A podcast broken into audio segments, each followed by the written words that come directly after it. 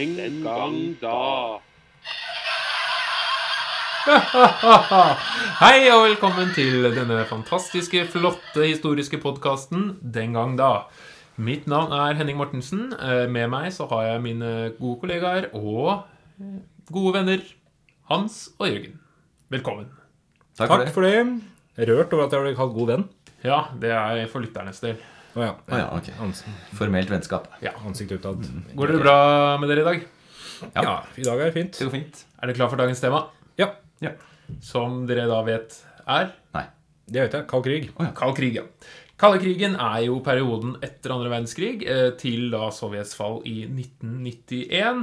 Eh, og vi skal snakke litt om eh, ja, kaldekrigen. Hva slags forhold har dere til kaldekrigen? Jeg syns det er en veldig spennende konflikt. Annet fordi den har et begrep som eh, Som sier et eller annet mer enn at det bare er en krig. Og fordi det er noen som har vært med på å definere på måte, hele Europa og USA og verden for øvrig etter andre verdenskrig. Jeg, jeg, jeg baserer jo all min kalde krig-kunnskap på Rocky og Rambo. Det, Ja. er, det, er, eh, det er bedre enn Wikipedia, til og med. Så dette blir en Henning og Hans-episode, er det det du sier? Nei da. Alt kan baseres på eh, Den kjente Film. historikeren Sylvester Stallone Ja. har jo produsert disse flotte dokumentarene. Ja, det er dokumentarer, er det ikke det? Jo, er det ikke det? Jo, for han bruker jo Nei, Mujahedin, og det er jo Det er dokumentarisk, i hvert fall. Ja. Det er ikke det samme, altså. Nei. Okay. Det har i hvert fall hatt en stor påvirkning på min barndom. Det Ja, det er klart. Jeg har det. Den går i bakgrunnen, den derre Nettopp. Ja, nettopp. Den eh, treningsmontasjen. Veldig bra. ja. Fin referanse. Takk. Men eh, kalde krigen. Jeg nevnte innledningsvis at det er jo da fra andre verdenskrig er slutt, og da til Sovjet bryter sammen i Ja. 1991. Hvorfor kalles det eh, en kald krig? Det er ganske interessant. Begrepet er brukt første gang, tror jeg, av øh, Og det tror jeg har rett når jeg sier det her. øh, Av forfatteren av Animal Farm og 1984 og greier. George Orwell. Ja, George Orwell, som jeg tror i en artikkel øh, bruker begrepet kald krig for første gang. Da kan vi finne ut i neste episode om Ja, det må arresteres. om det stemmer. Men jeg, jeg tror jeg, jeg mener jeg er på den riktige side av den tynne isen eller et eller annet når jeg Mm. sier dette her. Og det, det beskriver en, en konfliktsituasjon som, som ikke resulterer i direkte kamphandlinger mellom de to store partene, men som er en krig som utspiller seg på veldig mange andre samfunnsområder enn bare slagmarka.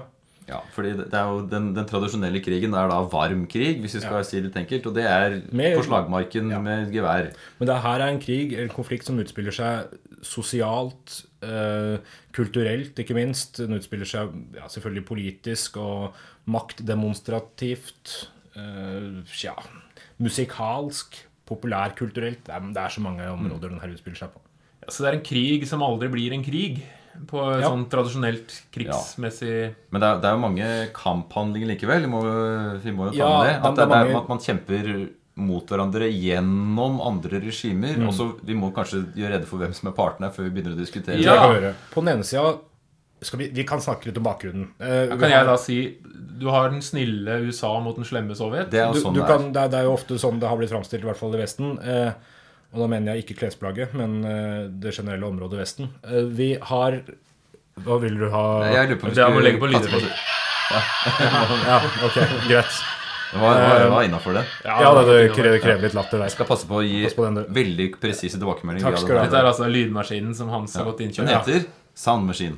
Ja, Uh, ok, uh, hvor var vi? Jo, USA og Sovjet. Altså, etter andre verdenskrig så, uh, så blir Tyskland splitta eh, i to soner. Eller i flere soner i utgangspunktet, men etter hvert to soner. Der du har en sovjetisk sone, en kommunistisk sone altså, og en eh, vestlig sone, der USA etter hvert får mer og mer dominans. Eh, og så Dette her utgjør da etter hvert Vest- og Øst-Tyskland. Ja. I tillegg så, så er det sånn at de områdene der Den røde armé på en måte har, har kommet etter andre verdenskrig, der, der ser vi at det blir etablert et sånt skille etter hvert, som Churchill gir navnet The Iron Curtain. Og da Han snakka ikke amerikansk, så The Iron Curtain var helt feil uttale der, men The Iron Curtain. Iron curtain. Han snakka jo så såpass The Iron Curtain! Snakka Ok. såpass snøvlete at han Ja, er kan Men som på norsk da blir oversatt til jernteppe. Uh, og, og det blir jo da en skillelinje mellom øst og vest, mellom sovjetisk kommunisme på østsida og amerikansk eh, inspirert kapitalisme, demokrati og liberalisme på andre sida. Og, og det kan jeg bare si, dette er jo en ren geografisk linje i Europa. ja. Eh, Øst for Øst-Tyskland. Det er det. Og så utviklet det seg til å bli en konflikt. Eh, Det har jo vært sånn at USA har eh, vært alliert med Sovjet under annen verdenskrig for å nedkjempe Hitler. Når, når Nazi-Tyskland er nedkjempa og krigen er over, så har man ikke noe grunn til å være venner lenger. Og ideologiske forskjellene blir såpass store at det utvikler seg en ideologisk konflikt. Og så sier jo Henning, da, du sier jo det at, at USA er den snille good guyen på den ene sida, og Sovjet er den bad guyen på den andre sida. Det er jo det man kaller et tradisjonelt syn på dette her. Fra Vestens perspektiv, i hvert fall. Ja, det, Jeg baserer jo som, eh, som Jørgen på Rocky og Ja, Nettopp. Og der er det jo tydelig hvem som er slemme, hvem som er snille. I den amerikanske populærkulturen og vestlige populærkulturen så er det sånn det har sett ut. Men selvfølgelig, fra Sovjets perspektiv så er det motsatt. Det kalles tradisjonalistisk syn, nei, unnskyld, revisjonistisk syn. Eh, at Sovjet er egentlig bare de forsvarer seg, mens USA er krigshisserne. Men så har du selvfølgelig et møtepunkt mellom de to teoriene her, at alle har jo sine svin på skogen. Begge partene pusher på med ideologisk eh, promotering, og begge to forsvarer seg mot den andre. Ja, for det er jo viktig når du skal forstå en konflikt, ikke forstå hvorfor den ene har rett og den andre tar feil, men hvorfor begge mener de har rett. Og det er jo det som er veldig tydelig her. Altså det er to ideologier og to supermakter, som det da blir, som er eh, totalt eh, forskjellige, og mener at den andre ønsker å ta over verden, og at man selv bare forsvarer sine interesseområder og forsvarer verden mot enten en kommunistisk maktovertagelse og verdensrevolusjon, eller en kapitalistisk, økonomisk utnyttende, nærmest fascistisk. Og noe, ja, og noe, noe av det første vi ser her, er jo det som kalles uh, Truman-doktrinen fra 1947, der um, amerikanske presidenten Truman altså, oppkalt etter ham, der amerikanerne eh, ja, begynner en politikk som eh, tillater at de går inn for å forsvare eh, områder mot kommunistisk maktovertagelse. Ja, Liten fun fact om Harry. Ja. Harry S. Truman. Ja. Det er at S-en Ikke står for noe. ikke står for noe. Det er bare, bare, bare en S. det er bare en S. Det er, det er typisk sånn amerikansk eh, behov for å ligne på eh, patricierslekter i Romerriket. At man skal ha tre navn, sånn som alle romer, gode romere av riktig familie Altså, hadde. tre navn. Ja, For patri- begge ja. besteforeldrene hans hadde vel et navn på S, men de klarte ikke å bestemme seg På Nei. skulle bli. De Så da ble fant det, ikke på et eneste navn på S. Men det var veldig viktig å ha tre navn, da. ja, så da ble det S. Og det Harry S. Ja, Men- alle amerikanske presidenter har jo tre navn, det vet vi. Men, men det, er, det, det er det som er Hva skal jeg si, det er fælt å si gøy, men det er jo, det er jo spennende med kald krig. Og noe av det jeg syns er gøyest, morsomst, som det heter, eh, er, eh, er dette veldig svart-hvitt-bildet. Svart-hvitt-tankegangen på begge sider. Eh, Sånn klassisk ond, god.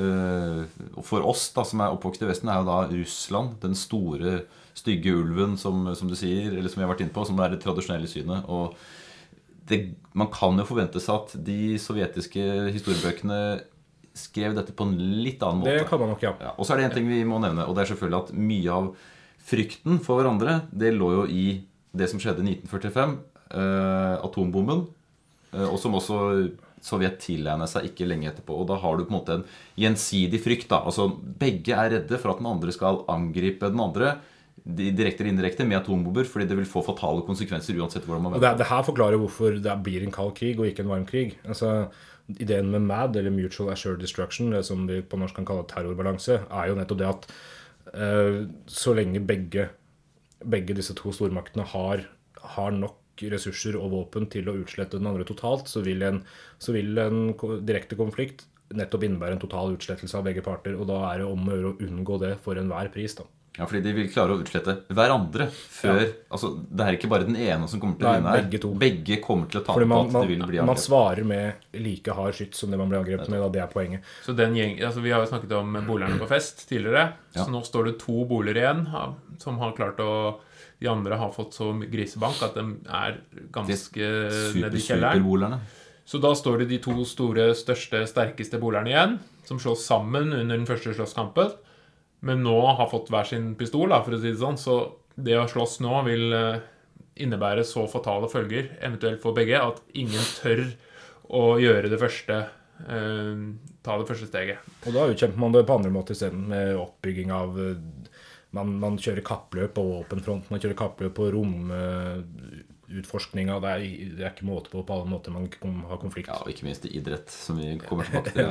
Men, men det, er, det er som dere sier, det er en kald krig mellom USA og Sovjet i, i hovedsetet. Og de sprer jo sin innflytelse, ønsker å på en måte få med seg så mange som mulig på sitt lag.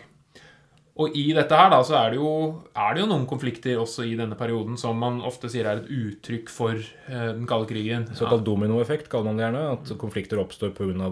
de forskjellige konfliktene. Ja. Vi, kan, vi bør nevne de viktigste, i hvert fall. Vi har Koreakrigen, eh, som er eh, en av de tidligste, fra 50 til 53. Eh, som jo faktisk fortsatt er Fortsatt krig. År. Det er bare våpenhvile mm. på datoskillelinjen ja, mellom nord og sør. Og så har vi jo Vietnamkrigen, som er, kanskje er det mest kjente scenario fra kald krig. Som jo man sier at det er en sånn tapt generasjon fra USA. Voldsomme Møtte hippiekulturen eh, i en sånn voldsom konflikt der, hvor man eh, hvor pasifister fikk eh, et stort oppsving, eh, hvor man stilte seg spørsmål om krig kan løse noe som helst. En sivilbefolkning som led voldsomt under nye våpen som napalm. Det er et ja, veldig kjent bilde en jente som løper fra napalmbombene helt naken, som er på en måte et av de viktigste motivene fra Vietnamkrigen. Og sånne, sånne bilder da, som man sitter igjen med, i hvert fall i ettertiden. Første medieoverførte krigen nå, Vietnamkrigen. Ja. Og det er jo det er verdt å nevne at disse konfliktene her, som du nevner, er jo i utgangspunktet borgerkriger som utvikler seg til å bli større konflikter pga. sovjetisk og amerikansk støtte til de forskjellige Ja, partene. De blander seg inn De blander på hver sin side, som de, som de Eh, finner for godt. da. Når Sovjet eh, blander seg inn i Koreakrigen på, Koreas, på, på Nord-Koreas side, eh, og Kina blander seg inn fordi de har jo også gjennomført en kommunistisk revolusjon der, med Mao, så de er også kommunistiske. Og så går USA inn på andre sida. Det er viktig å huske at USA og Sovjet da aldri går i direkte konflikt med hverandre. Amerikanerne kjemper mot nordkoreanere og kinesere f.eks., men ikke mot sovjeter direkte. Det samme i, i Vietnam, da. Ja, for de hjelper jo da sine si, ideologiske medparter. Hvor eh, Sovjet eh, hjelper de, de kommunistene, kommunistene, og, og USA hjelper ikke-kommunistene og de som ønsker mer vestlig orientert, Ja, liberalt styre. Og det er jo ikke alltid, hva skal jeg si, for å bruke enkle ord, og det er ikke alltid de snille. Uh, Nei, sett etter de som. USA hjelper, det er jo bare de som er antikommunister. Ja. Og da får man et par eh, ganske grelle eksempler på at USA jo støtter rene diktaturer Ja. uh, som bare er det motsatte av kommunisme, og det er det viktigste for USA da, i mange tilfeller. Ja, for Det er litt viktig å huske. Det er kanskje vanskelig for oss å, å eh, ha helt oversikt over i dag, men hvordan kommunismen under den kalde krigen var den store, sto, stygge ulven. Sett fra Vestens perspektiv, da, kanskje spesielt USA, hvordan kommunismen ble sett på som en krigersk eh, ideologi som kom, var, liksom, kom for å ta over, og hvis man ikke kjempet imot den, så Og det er jo et uttalt mål i, uttalt mål i kommunismen at verdensrevolusjonen og arbeiderklassen skal forene seg verden over. Og så, Ja. så man frykter sånn som kan dra litt linjer i dag til jihadisme og ekstreme islamister. ikke sant? Hvordan det i dag har blitt den store erkefienden sett fra Vesten. Hvordan kommunistene var de som var fryktet overalt. Norge er et godt eksempel her, fordi vi havna jo litt imellom to, to stoler der. Altså På den ene sida så Og da kan vi komme inn på det. Og på den ene sida så er vi medlem av Nato eh, osv. Vil si altså vestlig alliert. Vi, Ja, for Norge forsøkte jo vi får jo Marshall-hjelp av USA, noe som innebærer at vi også støtter dem. USA gir jo ikke bort ting gratis. så Også Marshall-hjelpa kom jo med en form for eh, vedheng. Og det innebar jo politisk eh, økonomisk støtte. At du, du skulle være alliert. Du kan kanskje forklare Marshall-hjelpen helt kort. Det er jo en økonomisk støtte til som kom fra USA, nettopp for å måtte akseptere at nå er vi en del av markedsøkonomi. Ja. Altså den frie handelen, Ja. som jo var på mange måter motsetningen til kommunismen, som var veldig proteksjonistisk. Og, og mot da Nato og Marshall-hjelp osv. Så, videre, så etablerer eh, Sovjet tilsvarende program, eh, Comecon og, de- og Warszawapakten osv., som på en måte igjen skaper nok altså nok en sånn fraksjonsinndeling. Og Norge står litt imellom her, fordi på den ene sida så er vi vestlig alliert, på den andre sida så ligger vi geografisk til på en måte som gjør at vi er nødt til å på en måte prøve å, eh, prøve å ha et, en fot innafor hos eh, Sovjet. Ja, og var, Og Mange vi- var jo opptatt av kommunisme også ja, og i, ja, i- Norge. på, på søt- Politisk og 60- litterær- 60-70-tallet så ser vi hvordan eh, man får kommunistiske bølger i Norge. Og, og myndighetene gjør sitt for å prøve å hindre fremveksten av dette her, fordi man, man er redd rett og slett for, for konsekvensen det vil få for Norge også. Ja, for Norge er jo etter, Før første verdenskrig og før andre verdenskrig så forsøker Norge å holde seg nøytrale. Klarer jo ikke det under andre verdenskrig, blir jo invadert. Men i, i kaldekrigen, si sånn, fra 49, så er ikke Norge lenger nøytrale. Det er kanskje viktig å poengtere. Med Norge, ja. Norge melder seg inn i Nato, som er en vestlig forsvarsallianse med da USA i spissen. Og på det tidspunktet her så har jo også FN blitt oppretta. Norge blir jo naturlig nok en del av dette her òg. Så vi blir jo, altså, alle i verden blir en større del av verdenssamfunnet på et eller annet vis. Så det å snakke om helt nøytralitet osv. er vanskelig for de fleste verdensnasjoner pga. f.eks. FN. Og her, FN er jo også et sted der Sovjet og USA er nødt til å opprettholde en eller annen form for diplomatisk kontakt eh, gjennom FN-ambassadørene. Men eh, dere nevnte Koreakrigen. Dere har nevnt Vietnam, eh, som er jo sånn eh, Altså, man slåss gjennom andre. Man slåss Man støtter sine, eh, sine ideologiske allierte i en eh, litt sånn ekstern konflikt, egentlig. Kan jeg komme inn på en liten fun fact om det? For, fordi er eh, Fordi vi Ja da, det, det er artig, det her. Eh, Viet, uh, Viet Minh, uh, som er kommunistforkjemperne, kommunistfraksjonen i Vietnam under, under krigen, de, de hadde et navn, altså Viet Minh, som amerikanerne syntes var for uh, veikt. Så de, dette her viser hvordan konflikten også gjennomføres uh, ja, i mediene. Uh, man ga dem navnet Viet Cong. Altså Amerikanerne ga fraksjonen navnet Viet Cong isteden fordi det hørtes heftigere ut ut ifra en idé om at Kong, King Kong, eh, stor ape, eh, be, er be, be, bedre som fiende enn Viet Minh. det, Det er litt mer schwung, da. Det vil si at På vietnamesisk så heter det ikke Viet Cong, det heter Viet Minh. Amerikanerne kalte det Viet Cong for at navnet skulle høres tøffere ut. skal kjempe- kjempe mot. Ja, eh, men det, det jeg skulle fram til, var jo Det blei jo aldri en sånn direkte konflikt, men det var jo, det var jo nære på. Ja. Og kanskje aldri så nære som i, i 62, under Cuba-krisen. Ja. Det- her var vi veldig nære. det, og det altså, man snakker om denne eh, atomklokken. Eh, altså hvor nære er vi atomkrig? Når man stiller viseren etter eh, ja, nærmere tolv, jo større sjanse. Og Cuba-krisen var jo enkelt fortalt et kommunistisk Cuba som, som overrumpla USA på den måten at Sovjet fikk lov til å plassere langdistanseraketter der, som var nok til å nå USAs, store deler av USA. For de- Cuba er veldig nær USA. Veldig nær Sånn USA. Cuba geografisk. er veldig nær Så Sovjet uh, på, Uten å, på måte, at USA visste noe, så vidt jeg veit man, man så på satellittbildet i hvert fall da, at uh, det var eh, det var forandringer eh, i, eh, i basene som eh, Cuba hadde. Og Cuba var nær alliert med Sovjet. Kommuniststater begge to. Og så fikk Sovjet da plassert disse rakettene som pekte mot USA. Og det er jo, hva skal jeg si, Hvis man skal snakke om en terrorbalanse, maktbalanse, så er det på en måte en balanse som forskyves. da. Her er det Sovjet som har et slags overtak. Og um, Kennedy er jo kjent som den store presidenten fra den tiden her. Og det, var, eh, det er laget film om det.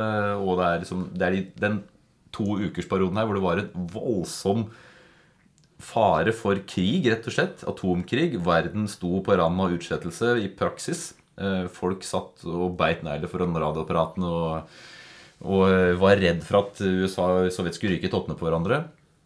Eh, Men det varte ikke så lenge. Et par ukers tid. Ja, så var det vel det var jo et skip som på en måte var på vei til Cuba, som Ja. amerikanerne sa at nå må dere stoppe, og nærmest satt med fingeren på knappen og var klare til å skyte hvis de ikke snudde.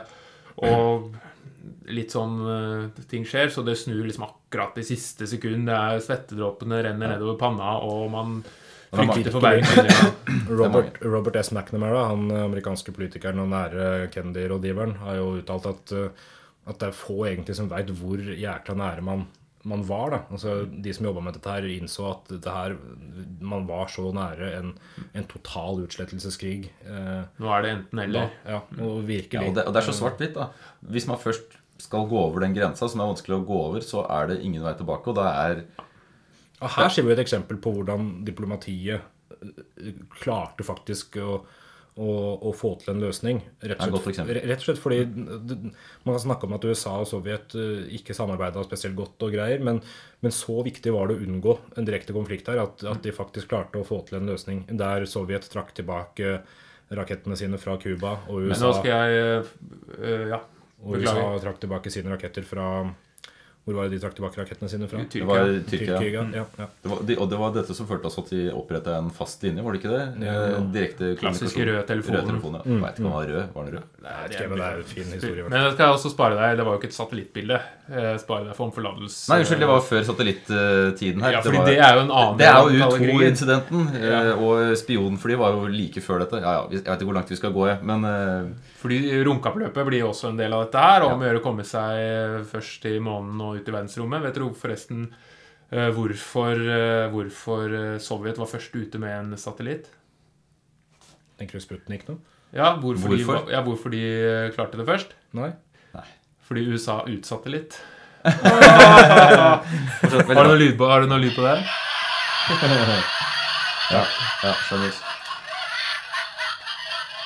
Det stopper ikke å le. den er veldig lang! Vi la inn applaus, Tony. Ja, det er, vel- altså Kalde krigen, for å få oss litt opp i, på tråden her Kalde krigen er jo en ideologisk kamp her, ja. Det er, det er kriger i den forbindelse, men ikke da direkte mellom USA og Sovjet. Skal vi ta en så jeg vet ikke om du, Vi har jo snakka om, eh, om Korea, Vietnam, Cuba-krisen. Har du en konflikt til vi burde nevne der? Jeg tenker jo på Afghanistan, ja. Tenker på Afghanistan. Ja, fordi det, det er mange i dag Du tenker på Rocky Nei, unnskyld, Rambo 3. Rambo Rambo 3, ja. men det, Rambo 3. jeg, nei, jeg gjør ikke det. Jeg tenker på Afghanistan-krigen, men du tenker på Rambo 3. Men det er mange som tenker på Afghanistan-krig, og, da- og da tenker man på eh, Ja, mange tenker på Afghanistan eh, 2000-tallet etter 11.9.21 og, og i det hele tatt. Men dette her er jo da den første Afghanistan-krigen, 79 til 89. Det er ikke mange som veit at uh, Rambo kjempa sammen med Osama bin Laden, faktisk. Nei, dette den- her er veldig interessant, da, hvordan Sløse Stallone eh, kjemper sammen med Osama bin Laden. Og bakgrunnen her er jo at i Afghanistan så er det blitt gjennomført en kommunistisk revolusjon. Um, I 78, ja, var det ikke det? tror det. Og de gjennomfører Eller jeg husker ikke når. Jeg Jeg, skal, ikke, jeg skal ikke si Jeg kan arresteres neste gang hvis det er feil. Jeg tror det er 78. Ja, de, og, og her eh, så gjennomfører da det nye kommunistregimet en hel del eh, sekulariseringspolitikk. Eh, noe Altså ikke-religiøs eh, Ja. ja, egentlig antireligiøs politikk. da, De sekulariserer landet. Eh, gjennomfører en hel del reformer som, eh, som de islamske eller islamistiske grupperingene i landet ikke anerkjenner. Og, og, og da blir det opprør. Og så blir det egentlig en krig der, en borgerkrig mer eller mindre, der islamistiske grupperinger kjemper mot kommunistene. Og fordi USA jo har denne eh, Truman-doktrinen fremdeles, og osv., så, videre, så ønsker de å motarbeide eh, det sovjetiske styret. I tillegg til at Sovjet på det tidspunktet her har det de kaller Brezjnev-doktrinen fra 1968, som innebærer at de også kan gå inn og, og bistå kommunistvennlige regimer. Så de vil også leke politi. Så, så det som skjer, er at Sovjet invaderer Afghanistan. Eh, Men hva skal USA gjøre da? For vi vet jo at USA ikke kan gå inn direkte, for da blir det direkte konflikt. Men her drar USA i gang et ganske formidabelt skjult diplomatisk spill, der de klarer å, å få Israel til å samarbeide med Pakistan og Egypt og helt sånn usannsynlige koalisjoner for å skaffe penger og våpen ut, altså under den amerikanske og sovjetiske radaren for å, for å gi støtte til de islamistiske grupperingene i Afghanistan. Og det er jo i disse grupperingene her at uh, f.eks. Taliban og sånn vokser fram etter hvert. Så det er vel det at amerikanerne væpner sine fremtidige fiender. Det gjør det. Blant annet Osama bin Laden. Om, Ja. om det er Rambo som var der, det vet vi ikke. Men eh, Osama bin Laden er jo på Mujahedins side, og amerikanere er jo med å støtte hans hva skal jeg si, framvekst som betydningsfull person, da, som senere islamist, som senere skal angripe USA. ironisk nok. Fordi det er jo sjeldent Det er jo nærmest en sånn Det nærmeste det kan komme en slags sosial lov, da, er at en gruppes indre samhold er avhengig av ytre press. Å ha en felles fiende er jo et, et, eh, noe som på en måte kan Det ser jo det både Sovjet og USA under andre verdenskrig forener seg i kampen mot Tyskland. Mens de da eh, blir jo ideologiske motsetninger og fiender etter IA i det som er, da blir den kalde krigen. Ja. Hvordan da USA samarbeider her med mujahedin, altså islamistiske grupperinger, i Veldig. kampen mot kommunistene. Og hvordan det da blir jo den konflikten som vi kjenner senere. Og det er jo kanskje det jeg tenker generelt også i kalde krigen. Hvis du ser kalde krigen, kalde krigen i et litt større perspektiv. Det handler jo mye om kanskje intern kontroll. Det å ha den ytre fienden er veldig praktisk for et, eh, en statsleder eller et, et styre å ha en ytre fiende og, og si at vi må forene oss i kampen mot dem. Drit i arbeidsledighet, drit i hvordan ting er, og kriminalitet innad. Vi må slutte oss å jobbe sammen mot da, denne felles fienden. Eh, jeg vet ikke om dere har noen tanker rundt det? En tanke er jo at eh, det høres ut som det er en grei overgang til å nevne Berlinmuren. Ja, Eh, Fordi det er et viktig symbol på den kalde krigen. Og et symbol egentlig på den derre eh, Vi gjør noe for å hindre frykt Eller for å, for å, egentlig for å bygge opp frykten for, for, mot, for fienden, og samtidig beskytte oss. Fordi Berlin er jo Du nevnte jo splittingen av Tyskland. Tyskland blir jo delt etter andre verdenskrig. Det samme gjør Berlin for øvrig. Som, Ja, og Berlin, som egentlig ligger i da det som blir Øst-Tyskland, er jo en sånn Hva skal jeg si En oase med vestlig innflytelse midt i da DDR, som er Øst-Tyskland. Ja. Men den blir jo også delt, da, som du sier, mellom to fraksjoner. Og midt, mellom der så får de opp en mur. Ja, og årsaken til at man fikk opp denne muren, det er jo eh, Hvis man skal tenke litt eh, tabloid her, da Altså, fra mitt vestlige ståsted så er jo selvfølgelig frihetsidealet viktig for meg. Altså tanke, frihet for å tenke fritt og for å mene man vil. Og så har man en annen ideologi som mener at her skal det være sensur. eh, her er det et slags diktaturisk eh, prinsipp. Eh, og så får man jo en voldsom flukt fra øst mot vest. Altså Det er jo, det er jo ikke bare de fra Vest-Berlin som tenker at dette er interessant. Det er mange fra Øst-Berlin som flykter, rett og slett, fordi de opplever at de blir splitta i sine meninger. De skal over til der hvor det er mulig å tenke sjøl, sagt veldig enkelt. da. Og Også- fordi det skal sies at de materielle forholdene er dårligere. Og, Ja, og så har man på en måte, Da har man to valg. Det er litt som at Hvis man har en dårlig forelesning, så kan man enten velge å gjøre forelesningen bra, eller så kan man innføre møteplikt. Eh, Så sier man at nei, eh, istedenfor å gjøre noe med regimet her, så hindrer vi dere fysisk i å dra over til den andre sida med en mur.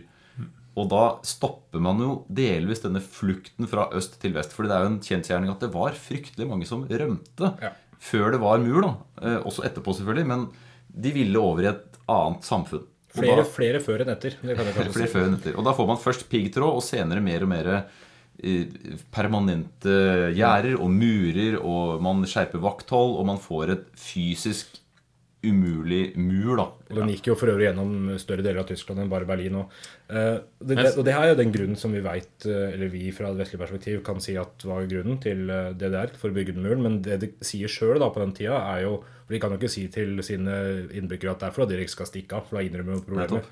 Det de sier, er jo at uh, vi skal beskytte dere mot uh, den vestlige fascistiske påvirkninga. Man kaller det rett og slett eh, det vestlige, vestlige demokratiet for fascisme. Ja, og, og da, Som kommunismens store motsetning, da. men det er jo litt gøy, da, med det, må si at det er litt gøy når, når det er et land som har demokrati i navnet. Altså, jeg trodde jo Som liten så trodde jeg alltid at Vest-Tyskland var Deutsche Demokratiske Republikk. Ja, altså ja, det det, høres jo sånn ut, ja. Det høres jo sånn, men det er jo Øst-Tyskland, og det virker jo helt snudd på hodet ettersom dette jo åpenbart ikke er demokrati, det er et diktatur. Men alle, alle land med demokrati i tittelen. Ja, Det er greit å bare lære seg til lytterne. Altså, Er det demokrati i tittelen på landet, så er det et diktatur nesten uten unntak. Fra vestlig synspunkt, da. Den demokratiske republikken Kongo. Ja, Øh, Folkerepublikken Kina. Øh, Demokratiske republikken Nord Folkerepublikken Korea. Nord-Korea. Det er Korea. Ja. Ja. Ja, så for Muren blir jo bygd, som du sier, for å, fra Det blir bygd primært av Øst-Tyskland Øst-Tyskland for å holde fascistene ute. Men i prinsippet selvfølgelig for å holde kommunistene vi, inne. Men det er jo viktig å tenke at DDR blir jo også for mange kommunister i Vesten et slags ideal. Og det, ja da, og som, som at Sovjet, Sovjet er et ideal, og Kina blir et ideal for vestlige kommunister.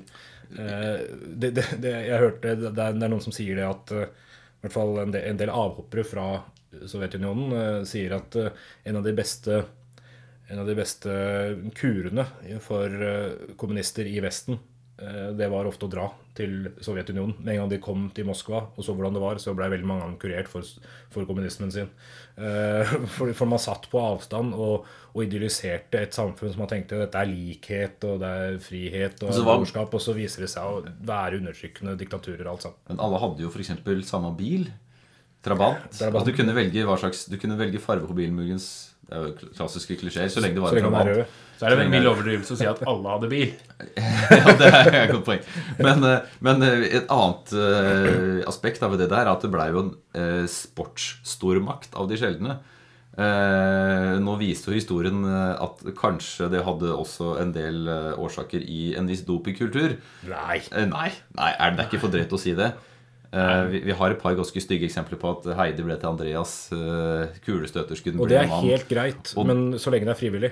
Ja, men, men grunnen i tilfellet er selvfølgelig at det var en offentlig dopingprogram som skulle dope utøverne sine til fantastiske rekorder, ikke minst i friidrett, som jo fortsatt står. Ja. Eh, Blant det- annet en spydrekord. 80 meter. Petra Felke fra 19 pil og bue. Den er eh, totalt uslåelig i dag. Men det var jo ikke bare altså Det synes jeg er artig på idrettshistorie og sånn. I begynnelsen på 1950-tallet, i, liksom i gryende kalde krigen her, så var det jo ikke doping kun Altså Når doping først kom, så var det ikke sånn at den ene siden dopet, og den andre reagerte med vantro og sjokk. Da var jo doping bare en sånn Ja, ja, dere har funnet på den dopingen, da må vi finne på en doping som er bedre. Dopingkappløpet mellom doping vest og øst. Koselig dop på øst og vest. Ja. Men Berlinmuren blir jo stående som et, sy ty som et synlig symbol på den kalde krigen. Altså skillet mellom øst og vest. Alle Men- kjenner vel Kennedys store, fete tale i Berlin eh, i forbindelse med Berlinblokaden for øvrig. Berlinerboll? Nei, det var eh, Ja, Lass sie nach Berlin kommen og greier. Ich ja. bin ein Berliner. Ich bin, ich, ich, ich, Ich ich ein- bin ein Berliner. Ja, Lass Ich bin nach ein Berlin Berliner. kommen. Um, og blir hylla opp i skyene av um, tyskerne, som selvfølgelig setter pris på den amerikanske tilstedeværelsen i vest. Men det er jo ikke kald krig nå lenger.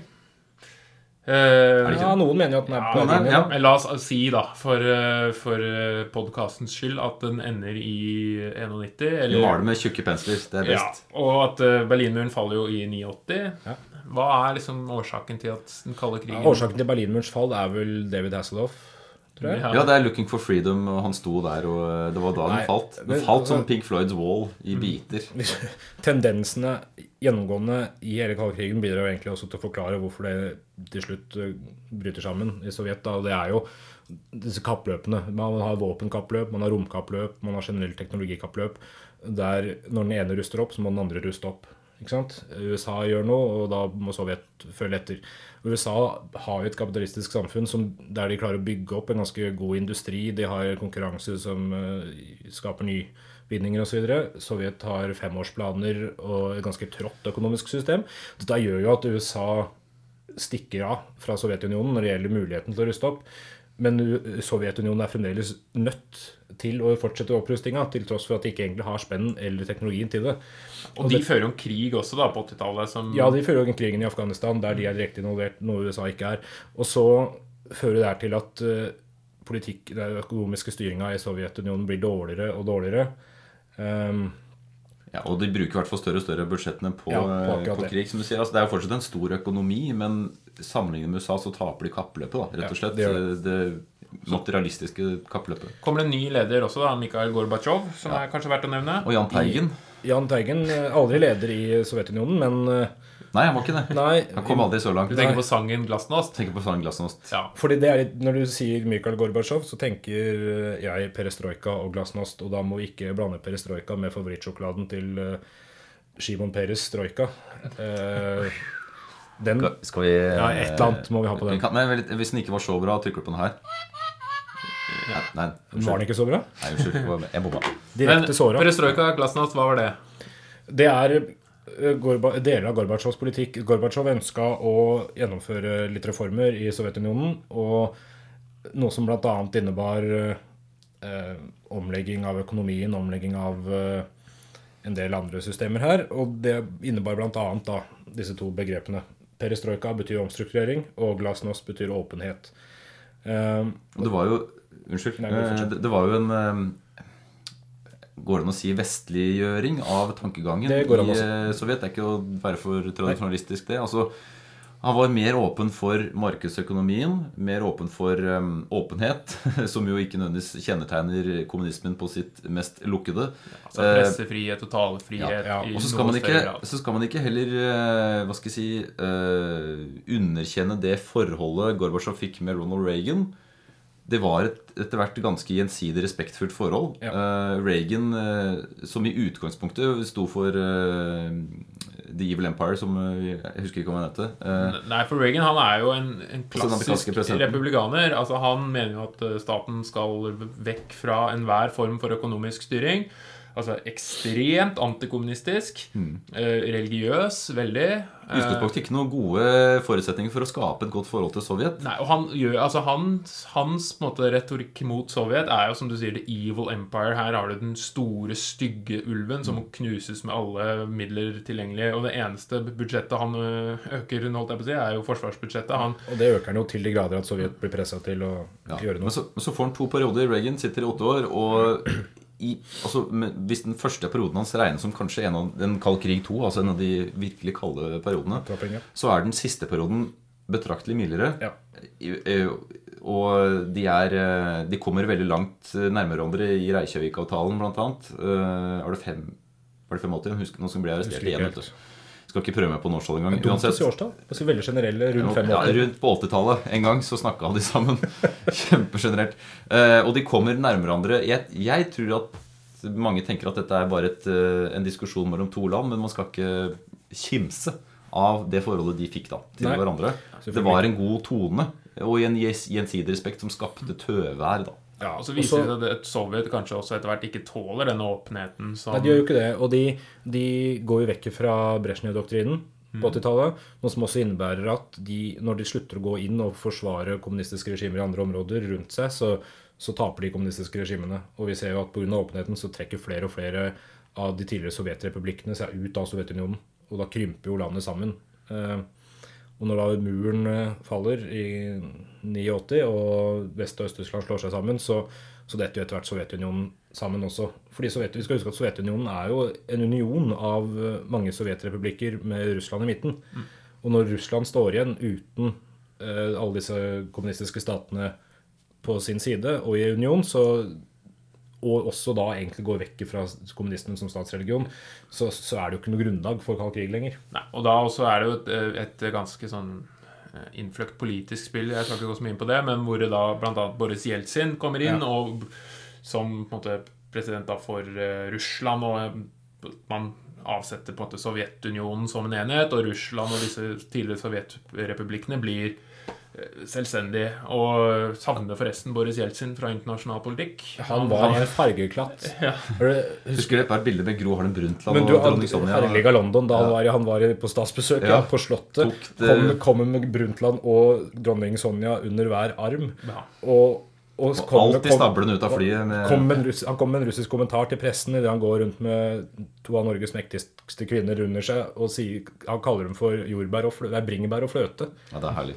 Han ser på dem og kaller dem for bringebær og Og kommer unna med det Ja. på et vis. Så for de Eh, lytterne som er for unge til å huske Boris Jeltsin, så var jo han ja, president i Russland som du på en måte kunne nærmest Du kunne se og lukte vodkaånden gjennom TV-skjermen. En slags 4D-TV. Han, han, altså- han sitter med fingeren på atomknappen utover 90-tallet. Ja. Men, men det er interessant da å, å tenke på tidsperspektivet her. For man, vi snakker jo om dette her i et historisk perspektiv. Men kald krig og Sovjetunionens fall 91. Boris Jeltsin blir president. Etter Boris Jeltsin så overtar Vladimir Putin og har jo sittet med makta fram til nå. Ja. Bortsett fra en kort periode der Medvedev var, stats, var president og Putin var statsminister. Bare men det var jo bare tull. eh, for å være helt ærlig. Men det betyr at vi Den presidenten som overtok etter Jeltsin, sitter fremdeles. Så det her er egentlig ikke så lenge siden.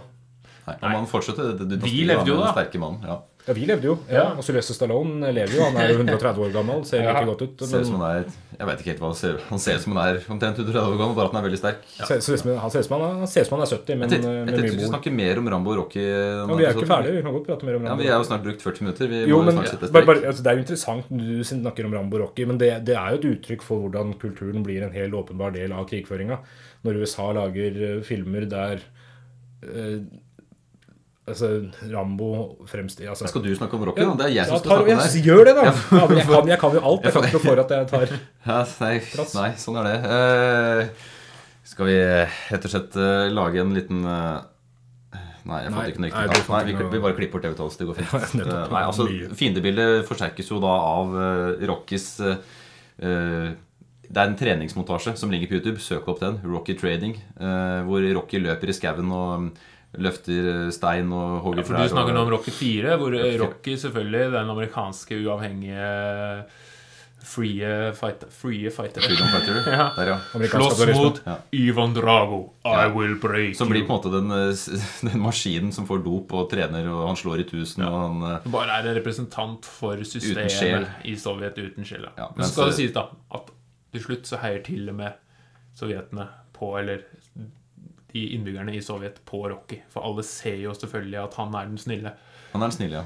Han er veldig lav i forhold til Draco òg. Det er jo sånn slags underdog. Merkelig. Draco er 4,5 meter høy. Han er jo svensk, ja, det er det som er interessant. Ja, skuespilleren. Det skal sies ikke Ja, Dolf Lundgren. Ja. Men, men eh, ja, kaldkrigen avsluttes. Eh, Det har vært et eh, Det har jo preget eh, siste halvdel av 1900-tallet til de grader. Altså konflikten da mellom USA og Sovjet, hvor det har vært en ideologisk eh, Ideologisk eh, ja, krigstilstand, og, og hvordan man har kjempet om innflytelse, og hvor det har blitt utkjempet kriger på en måte som en sånn satellitt Sånn satellittkriger ute Men uh, Star Wars. Det, var, det er faktisk et begrep fra den kalde krigen. Også.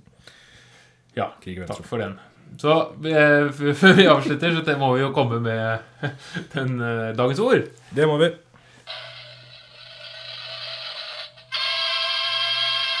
Vi kosta den eh, lydmaskinen. Hvor kjøpt, hvor kjøpte du Den den? kosta, den kosta 1200 kroner. Nei, Hva er den fjær her? det er fjær. Ja.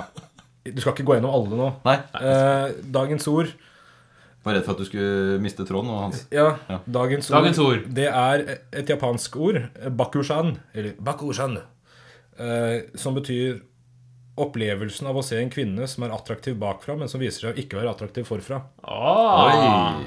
Bakushan! ja, fin, langt fra, langt fra fin uh, type. Oi. Godt sagt. Jeg, er- jeg ser også best ut bakfra, altså det vil si når den som ser på meg, står med ryggen til meg, Nettopp. på avstand og i mørket. Det er ikke, det er ikke sånn at du ser bakover.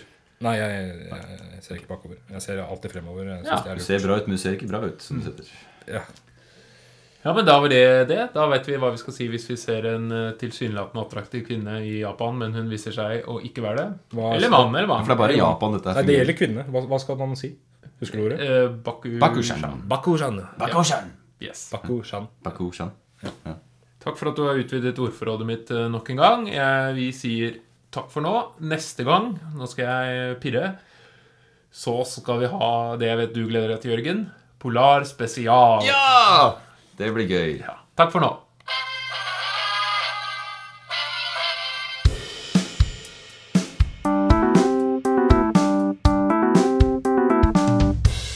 Den gang da.